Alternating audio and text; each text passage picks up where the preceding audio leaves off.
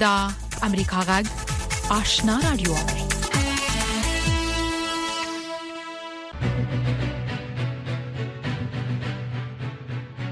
د امریکا غږ آشنا رادیو درنو اوریدونکو ستړي مشي زه نو شابه آشنای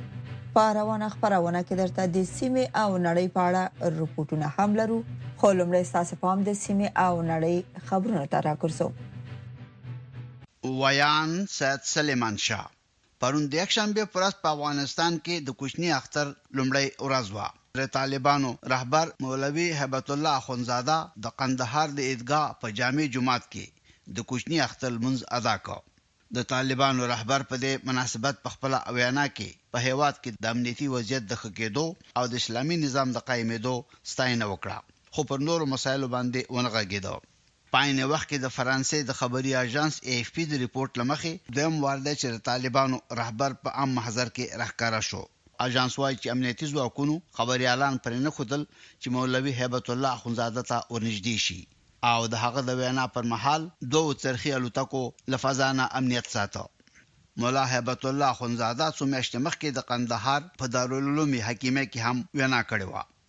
د طالبانو د انتقالي حکومت رئیس الوزرا ملا محمد حسن اخند هم په ارګ کې د کوچني اختر د لمانځه د ادا کولو په مهال په خپله وینا کې د حکومت پر مخالفانو باندې غږ وکړ چې خپل هېواد ته دې راستانه شي د افغانستان د معزول شوي حکومت د سولې د عالي شورا رئیس عبدالله عبدالله د افغانستان خلکو ته د کوچني اختر د رارسېدو په مناسبت مبارکي ورکړې. همداشان په افغانستان کې د متحده ایالاتو د سفارت شارژ دافیر مک کیري او په کابل کې د ملګرو ملتونو د ځانګړي دفتر یا یونما مشرې، د ترکیې او سعودي عربستان سفارتونو او د سره صلیب نړیوال فدراسیون یا آی سي ار سي، په دې مناسبت د افغانستان ولس ته مبارکي ویلې. د سعودي عربستان، قطر، مصر، کویټ، اندونیزیا، مالیزیا، ایران، اردن، المغرب او ګڼ شمېر نورو اسلامي هېوادونو په شمول نن د دوشنبې په ورځ د کوچني اختر لومړۍ ورځ ده.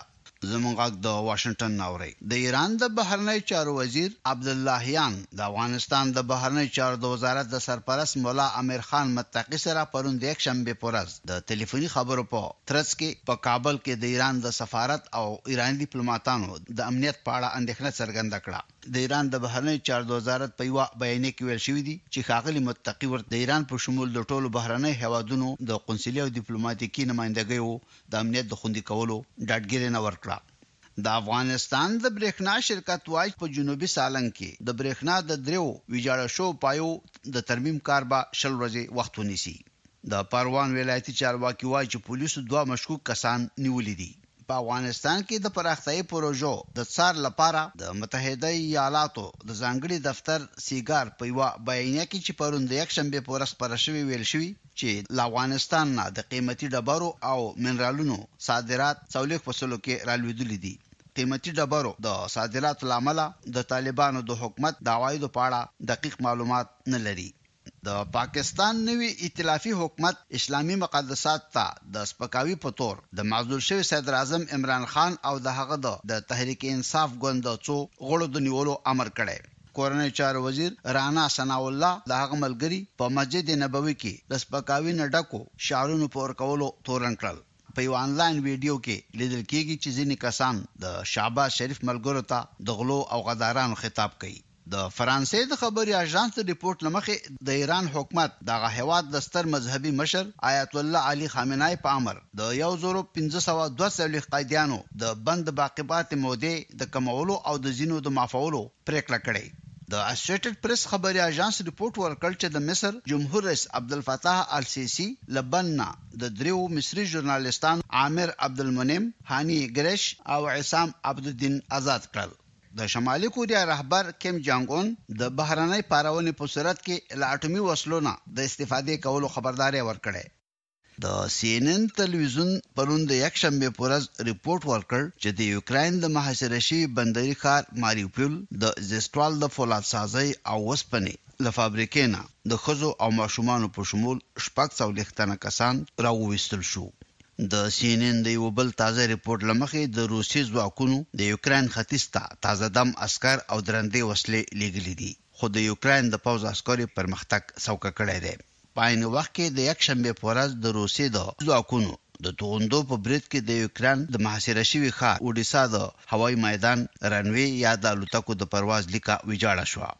د نړۍ د عیسایانو د رومن کاتولیک فرقې پیشوا پاپ فرانسیس په خپل خطاب کې چې له احساساتو نه ډک و، د یوکراین جنګ د بشریت یو وحشیانه تنازل وباله. پاپ وویل چې د بي بي مریم ښار په مسلسل ډول په وحشیانه ډول بمباري کیږي او تباه کیږي. د متحده ایالاتو د کانګرس د استازو د مجلس رئیسې میرمن نانسي پلوسي چې د کانګرس د یو هیئت په مشرۍ په سري توګه یوکراین ته سفر کړی و، د جمهور رئیس ولوډومایر زیلینسکي سره په کیف کې ملاقات کړی. د نیویارک ټایمز ورځپاڼه رپورټ ورکوي چې د یوکراین د خرسن په ښار کې چې روسي ځواکونو اشغال کړی، تلیفوني او انټرنټي خدمات قطع شوي دي. د روسیې پوځ کوشش کوي د یوکراین په دغه پرنفوسه ښار کې چې د کریمیا له ټاپووزمې سره نژدې پروت دی او ستراتیژیکي اهمیت لري، د کرملین طرفداره اداره فعاله کړي. د برېتانیې د بهرنیو چارو د وزارت په یوه رپوټ کې ویل شوي دي چې د روسیې طرفدارو کمپیوټري داړه مارانو یا په اصطلاح سایبري عسکرو ټولنیزو رسنیو ته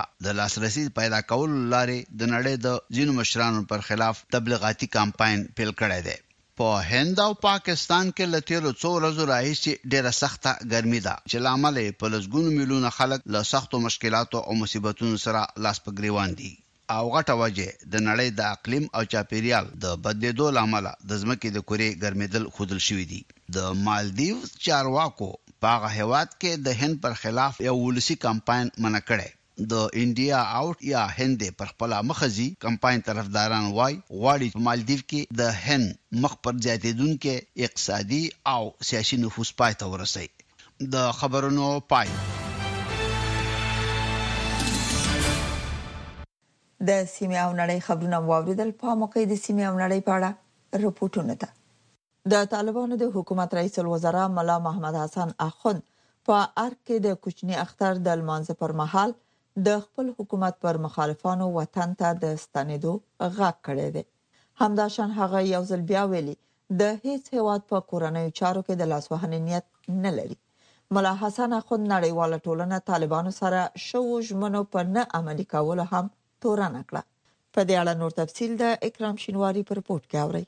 د طالبانو د اسلامي امارت د سترې محکمې د پرېکړې له مخې نن په افغانستان کې د کوچني اختر لمانځل پیل شو. د طالبانو د یو شمېر چارواکو د وینا لمخې په زرګونو کندهاریانو نن سهار د عیدګاه په جمعات کې د طالبانو مشر ملا هیبت الله اخوند سره یو ځای د کوچني اختر لمونځ ادا کړ همدا شان کابل کې د طالبانو د حکومت رئیس الوزرا ملا محمد حسن اخوند د ارګ په جمعات کې د کوچني اختر د لمونځ د ادا کولو پر مهال د افغانستان خلکو ته د کوچني اختر د رسیدو لامل مبارکي ورکړه او خپل حکومت پر مخالفانو یې وطن ته د ستنیدو غږ وکړ ملا حسن اخوند خپل مخالفان ته د ځان مال او د غوی د کاروبار د خوندیتوب ډاډ هم ورکړ نو زه و دوی ته دا وایم چې لږ فکر وکړي افغانستان د ټولو کور دی افغانستان په عفو کې استثنا نه ده کړې اڅوک چې تښتېدلي دي یا تللي دي هغه د غو خپل مشکل د ځان سره امارت دوی ته عفو وکړه د دوی مال یې ور محفوظ کړي چې په شا خیانت او غبن او غلا په هر شکل چې اخیستې دي امارت موږ هر مجاهد ته وایو که د خلکو په کور کار ودرلود په جایداد مو کار ودرلود په مارکیټ مو کار ودرلود لوی لوی پمپونه دي تجارتونه دي روان دي دا مجاهدین یو غږ نه ورته کوي چې ماز یو چاته ماز یو چاته کلیپ پر کړی موږ راکشو د دې پر اموال خپل مجاهد ته سزا و نو زه هم دې دي د دغه وخت څخه د دغه عپ څخه دا مو ورته خواست دی چې نور مخ خپل ځان در بدر چې شل کاله د دنیا طاقتونه در سره و هیڅ ګټه نه وکړه بیرته ورک شوې د ملک خورا څه ددې په خپل ملک کې شته نه دا ته وینې چا هغه خلک چې په دې ملک کې د دې ستا چې د کاروانو مشرانو اې په دې ملک کې آرام ناست څوک تکلیف نه ورکړي د طالبانو د حکومت رئیس الوزرا په خپل وینا کې یو ځل بیا ګاونډي هیوادو او نړۍ ته د نورو هیوادو په کورنیو چارو کې د نه لاس وهنې ډاډ ورکوي ویل چې په دې برخه کې طالبانو کومه ژمنه چې کړي لا هم پرې ټینګ ولاړ دي ملا حسن اخوند د نړیوالو څخه هم وغوښتل چې افغانستان کې دې لاسوهنې بندې کړي او دوی سره په کړو ژمنو دې وفا وکړي. نو موږ دا وایو چې تاسې داسې مه کوئ ای دنیاوالو، یو څه لږ په دا خپل ګریوانه کې سر دننه کړئ، یې مسلمانانو ته نور مشکلات مه پیدا کوئ، موږ هغه تعهد و وعده چې کړې ده پر هغه وفا کوو، ستاسو هم دا خواهش دی که همسایه ګان دي که د دنیا هیوادونه دي چې پر خپل وعده چې د امارت سره کړی ده پر هغه باندې وفا وکړي ملا محمد حسن اخوند خلکو ته د امنیت د برابرولو ډاډ ورکوي وی چې حکومت د خلکو اقتصادي ستونزو د هوارولو لپاره شپه ورځ کار کوي د سیاسي چارو یو افغان کارپو طارق فرهادي وایي د فکر کوي چې طالبان حکومت نړیوال ټولنې سره د انجونو د خونځیو د پرانیستو ژمنه کړې و او په ژمنه عمل ونه کړ تعهدات طالبان باید باز ګردیم به مذاکرات دوحه. ښاغلي فرهادي وویل، د طالبانو ژمنو په اړه باید د جمهوررئیس غني د حکومت د نسکورېدو وړاندې د دوحې خبرو ته ستانه شو، د ټولشموله حکومت خبره وه. دوحه کې د طالبانو یو استازي عباس ستانکزي په یوه غونډه کې وویل چې دوی ښځو ته په سیاست او ټولنه کې ونډه ورکوي، هلته هېڅ فکر نه کېده چې د نجونو ښوونځي وتړل شي. متاسفانه چې د نجونو د ښوونځیو تړل نه یوازې په دې ژمنه وفا ونه شوه، بلکې موږ ډېر شاته د طالبانو د نولس سوه شپږ نوي کال واکمنۍ حالت ته ستانه شو. چیزگان دوباره باز نکردند طالبان. د سیاسي چارو دا کارپوه وایي چې د طالبانو حکومت چې نړیواله ټولنه دوی سره په دوحه کې د شوو ژمنو په ماتولو تورنوي، هدف یې د تروریستي لیستونو څخه یو شمېر طالب چارواکو د نومونو لرې کېدل دي. طارق فرهادي وایي چې که څه هم طالبانو په دوحه کې د امریکا سره خبرې کولې، خو د خبرو او موافقې وروسته ملګرو ملتونو په یو پرېکړهلیک کې د دواړو خواو څخه د ژمنو د عملي کېدو غوښتنې کړې وې. امریکا غږ د آشنا رادیو په خپلو بیلو بیلو خبرونو کې د نړۍ د ګډ ګډ او د افغانستان په باب جامع به طرفه او موثق راپورټونه خبري د امریکا غږ د آشنا رادیو خبرونه مهیروي رپورټونو ته د آشنا رادیو نه ادامه ورکوم د امریکا د بهرنیو چارو وزارت او اروپایي ټولنې د کابل په یو جومات کې د تیرې ورځې چاودنه چې ډیر خلک پکې وژل شوي او زخمیان شوي غندلې او د دغه برید د عاملینو د مجازاتو غوښتنه یې کړې ده. د روژې په میاشت کې د افغانستان په مختلفو سیمو کې د چاودنو او بریدونو زیاتېدو خلک اندېښمن کړي. څېړونکي وایي د هوا په ګرمېدو سره د ناامنیو د زیاتېدو احتمال زیات دی. د امریکا د بهرنیو چارو وزارت په کابل کې د جمعې په ورځ په جومات کې چاودنه کې د خلکو پر وژل کېدو ژوره اندېښنه ښودلې او د عاملینو د نیولو او مجازات کولو غوښتنه کړې ده. د امریکا د بهرنیو چارو وزارت وایي د امریکا متحد ایالات د افغانستان د خلکو ملاتړ ته ژمنه ده. مونږ په افغانستان کې د بریدونو د زیاتېدو له کبله په جدي توګه اندېښمن یو غواړو دا بزدلانه بریدونه پای ته ورسیږي او د عاملینو د محاکمه کېدو غوښتنه کوو د طالب چارواکو د معلوماتو په اساس د کابل ښار شپږمې امنیتي حوزې په علاوالدین سیمه کې د خلیفہ صاحب خانقاه کې چاودنه کې لږ تر لږه لس کسان وژل شوي او اته پنځوس نور ټپيان دي خو رويټرز خبري اژانس بیا دغه جمعه د امام له قوله ویل چې په دغه چاودنه کې لږ تر لږه پنځوس لمونځ کوونکي وژل شوي دي. زیارت خانه خاص اینجا ذکر میکردن مردم نفر خود سه چهار صد نفر بود دیگه دیگه دونیم سه چهار صد نفر هم یه انفجار صورت گرفت پر همدې مهال د افغانستان په چارو کې د امریکا متحد ایالاتو ځانګړي استازي ټامس ویز هم په کابل کې دا چاودنه غندلې او د قربانیانو له کورنیو سره یې خواخوږي ښودلې ده. ښاغلي ویس په ټویټر لیکلي دي، زه د خلیفه صاحب په جومات کې د تېرې ورځې په شمول د بې ګناه افغانانو پر وړاندې بې رحمانه او وحشتناک بریدونه غندم، دا بریدونه باید پای ته ورسېږي، عاملین یې باید د عدالت منګول ته وسپارل شي. بلخوا اروپايي ټولنې هم پر خلیفه صاحب خانقاه د تېرې ورځې مرګونې چاودنه غندلې او هغه یې بزدلانه عمل بللی دی. اروپايي ټولنې په یوې اعلامیې کې ویلي دي چې د ملکي خلکو هدف ګرځول په هیڅ دین کې نشته.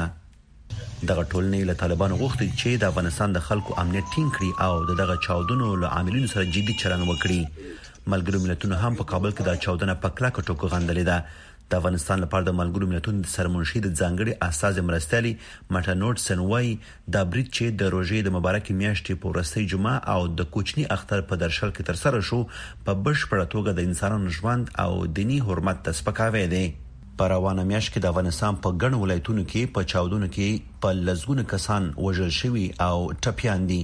خو د طالبانو د ارقامو له مخې په کابل کې د خلیفه صاحب خانقاه په جومات کې چاودنه کې لس کسان وژل شوي او اته پنځوس نور ټپیان دي.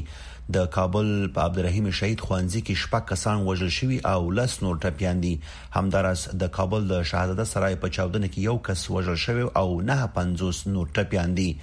د کابل د پلخشتي جومات په چاودنه کې شپږ کسان ټپيان شوي وو بلخوا د بلخ د سیدوکان جومات کې چاودنه کې 12 کسان وژل شوي او 58 نور ټپيان دي کندوز کې هم په یو چاودنه کې څلور کسان وژل شوي او 13 نور ټپيان دي د دغه اکثرو بریدونو مسولیت داعش ډلې په غاړه اخیسته خو د کابل یو اوسیدونکي وایي چې د دغه بریدون تر شا د یو شمیر کړیو لاس دی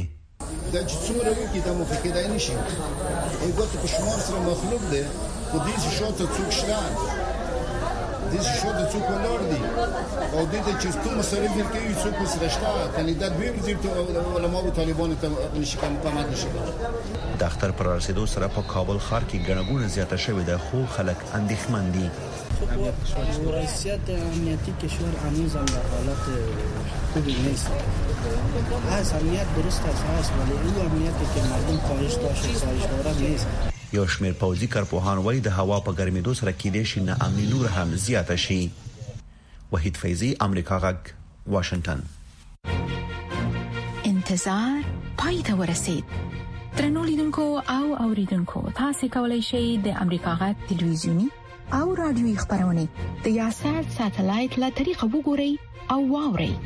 د نوي ساتلایت لارې تاسو د آشنا اتصال او کاروان ټلویزیونی خبرونه کتلای هم شئ د امریکا غږ د افغانستان څنګه خبرونه په 309 پټ چنل او د آشنا رادیوي خبرونه په 309 پټ چنل کې اوریدلای شئ لملتيامو د تل پشان مننه تاسو زموږ غږ د واشنگټن د سټډیو نه اورئ د روسیې د دفاع وزارت کیف ته د ملګرو ملتونو د سرمنشي د سفر په ترڅ کې په دغه ښار باندې د هوایي برید په تر سره کولو اعتراف کړي په عین وخت کې چیرونکو وایي د لویدیځ نړۍ ډیره برخه پر اوکراین د روسیې د يرغل پر وړاندې متحده شوې ده خو ډیر افریقایي آسیایي او د منځني ختیځ هیوادونه هڅه کوي چې طرف ونه نیسي د اندونیزیا جمهور رئیس جوکو ویدودو سږ کال د جي شل شلو سترو صنعتي هېوادونو د غونډې کوربه توب کوي او دغې غونډې ته یې د اوکراین او روسیې جمهور رئیسانو ته هم بلنه ورکړې ده. په دې اړه نور تفصیل په رپوټ کې اورئ. د دوه زره دوه ویشت کال د جي شل غونډه چې د اندونیزیا په بالي کې د نوامبر په میاشت کې جوړېږي، د دې ډلې د سرمشریزې موضوع د یو ځای به سره بېرته په خپلو پښو درېږو او یو ځای به سره پیاوړي کېږو تر شعار لاندې به پرانیستل شي او یو مهم وړاندیز به هم د نړۍ د سیاستوالو ترمنځ په اوکراین کې د جګړې ختمول وي. موږ پوهیږو چې د جي شل غونډې اصلي هدف د نړیوال اقتصاد بیا رغونه ده، چې موږ به د نړیوال اقتصاد د بیا رغونې په اړه خبرې وکړو. خو دوه اصلي موضوعګانې موجودې دي، چې نن ورځ له هر څه نه ډېرې مهمې دي، لومړی د کوویډ نولس وبا او دوهم په اوکراین کې جګړه ده. د کوربه هېواد ولسمشر جوکو ویدودو د لویدیځ له خوا تر سخت فشار لاندې دی چې روسیه د جي شل له غونډې څخه وباسي. دا په داسې حال کې ده چې ولسمشر ویدودو د اوکراین ولسمشر ته په غونډه کې بلنه ورکړې ده. که څه هم اوکراین د جي شل غړی نه دی، خو د روسیې ولسمشر ولادیمیر پوتین د مېلمنو په لیست کې دی او پلان لري چې دې غونډې ته راشي. دا په دې مانا ده چې د متحده ایالاتو ولسمشر جو بایډن به احتمالاً دې غونډې ته ولاړ نه شي. موږ داسې فکر کوو او تاسې هم کولای شئ چې د اندونیزیا سره دا تایید کړئ. موږ له هغوی سره په شخصي توګه هم تماس نیولی. هغوی مخکې له دې چې پر اوکراین یرغل وشي، روسیې ته بلنه ورکړې وه. که له دې څه زیات وي، نو زه به یې حتماً ورته اشاره وکړم. خو موږ په دې هکله خپل نظر څرګند کړی دی چې روسیه باید نه په عامه او یا هم نه په خاصه توګه په دې غونډه کې برخه واخلي. د جي شل په غونډه کې له روسیې نه د چین ملاتړ ودودو له سخت حالت سره مخامخ کړی دی. د اندونیزیا حکومت به د دې فیصله وکړي چې آیا په دې غونډه کې د پوتین ګډون به د نړۍ د نورو سترو هیوادونو لکه کاناډا، استرالیا او بریتانیا د نه ګډون په بیه تمام شي. زه فکر کوم چې د اندونیزیا لپاره به مناسب حل دا وي چې زیلینسکي ته بلنه ورکړي، نو په دې صورت کې به روسان ووايي چې پوتین له راتګ نه منصرف شو. نو بیا جوکو ته لازمه نه ده چې دا پرېکړه وکړي چې هغه دې نه راځي. د دې میاشتې په پیل کې د بایډن ادارې دې ته اشاره کړې وه چې غواړي د جي شل په نړیواله اقتصادي غونډه کې په اوکراین باندې د روسیې د برید له کبله د نړیوالو اقتصادي مرستو د اغیزو او احتمالاتو او د اوکراین د بیا رغاونې په اړه بحث او خبرې وکړي. د پنځشنبه په ورځ یعنی په هغه ورځ چې د ملګرو ملتونو سرمنشي انټونیو ګوتریش د اوکراین پلازمینه کیف ته د ولسمشر ولادیمیر زيلنسکي سره د کتنې لپاره تللی وو په کیف باندې د روسیې لخوا هوایي برید وشو چې پکې د استوګنې یو ودانۍ په نخښه شوې و په دې پیښه کې د ازادي رادیو یو خبريال هم ووژل شو د روسیې د دفاع وزارت ویلي دی چې د هغوی لره واټن وشتونکو توغندي د اوکرين د فضایي راکټ جوړونې فابریکه په نخښه کړې و خو بیا د کیف ښاروال ویتالی کلیتیشکو داسې وایي. د واشنگټن نه د امریکا غږ آشنا رادیو خبرونه اوري تاسو زموږ د واشنگټن د سټډیو نه اوري د امریکا په ډیرو معتبرو پوهنتونونو کې د هغو محصلینو لپاره چې په لیلیه کې اوسېږي او زده کړې کوي معمولا ژوند سخت وي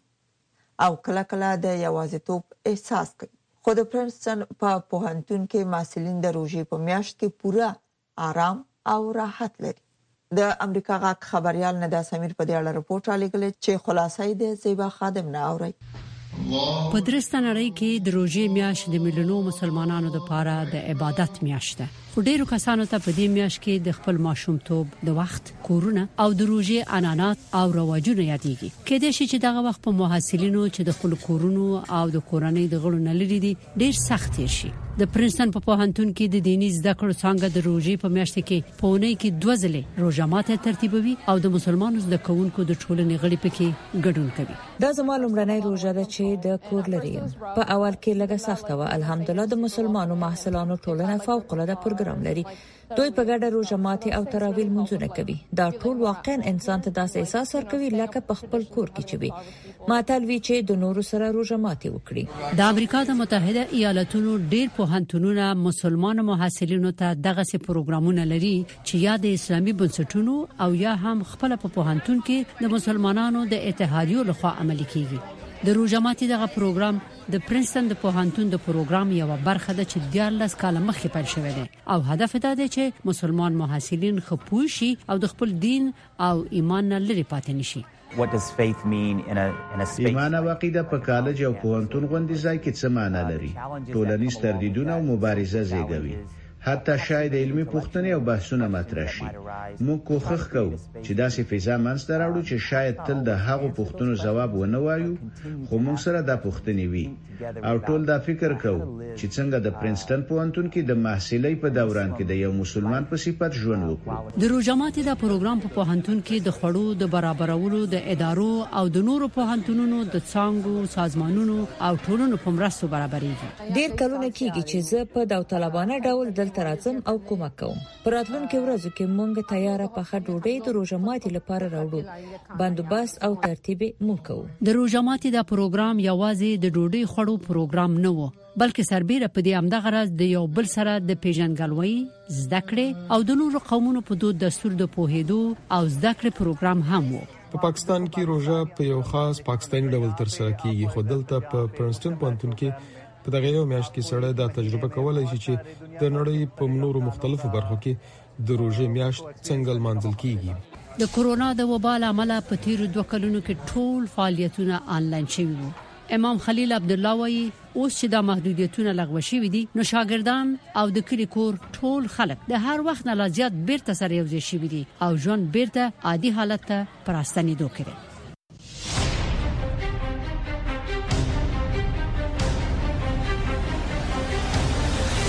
اتصال زموږ او تاسو پیوستون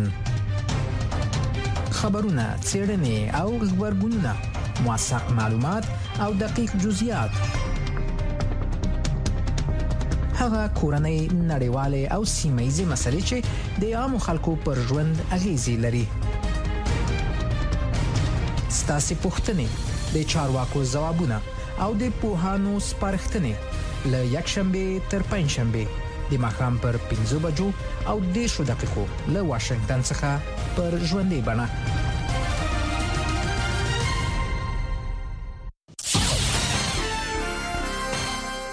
درنو اوریدونکو سم فهم کې د امریکا غږ سرمقاله ده غیر قانوني بې راپورټه بې مقرراتو کبنول یا آی یو یو کبنول د چاپیریال اقتصاد او حتی یو ستره بشري ستونزه ده د اقلیم لپاره د جمهور رئیس خاص استاذي جان کیری ویل دا د سمندر عصري غدۍ ده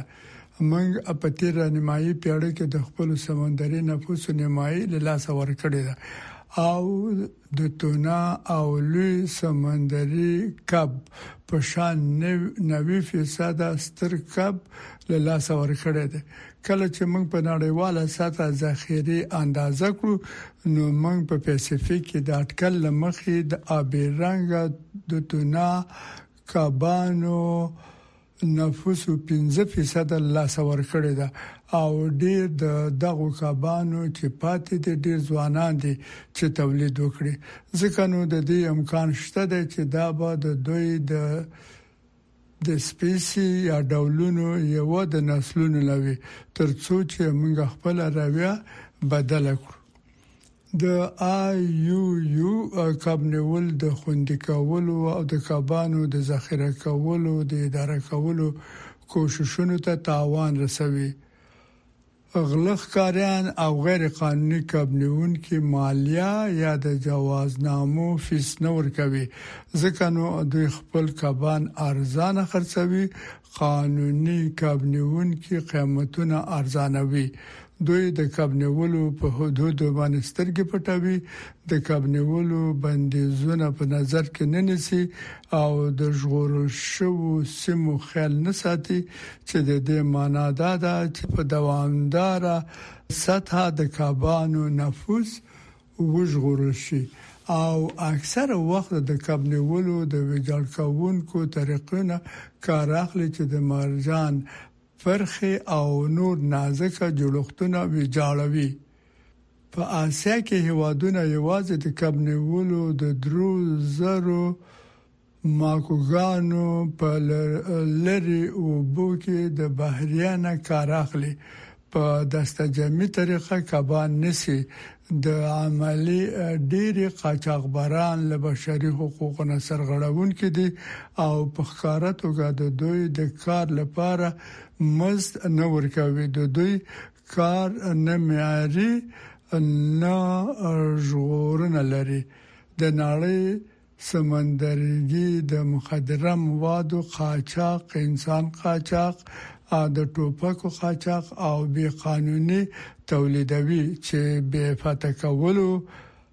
او وژلو ته اجازه ورکوي.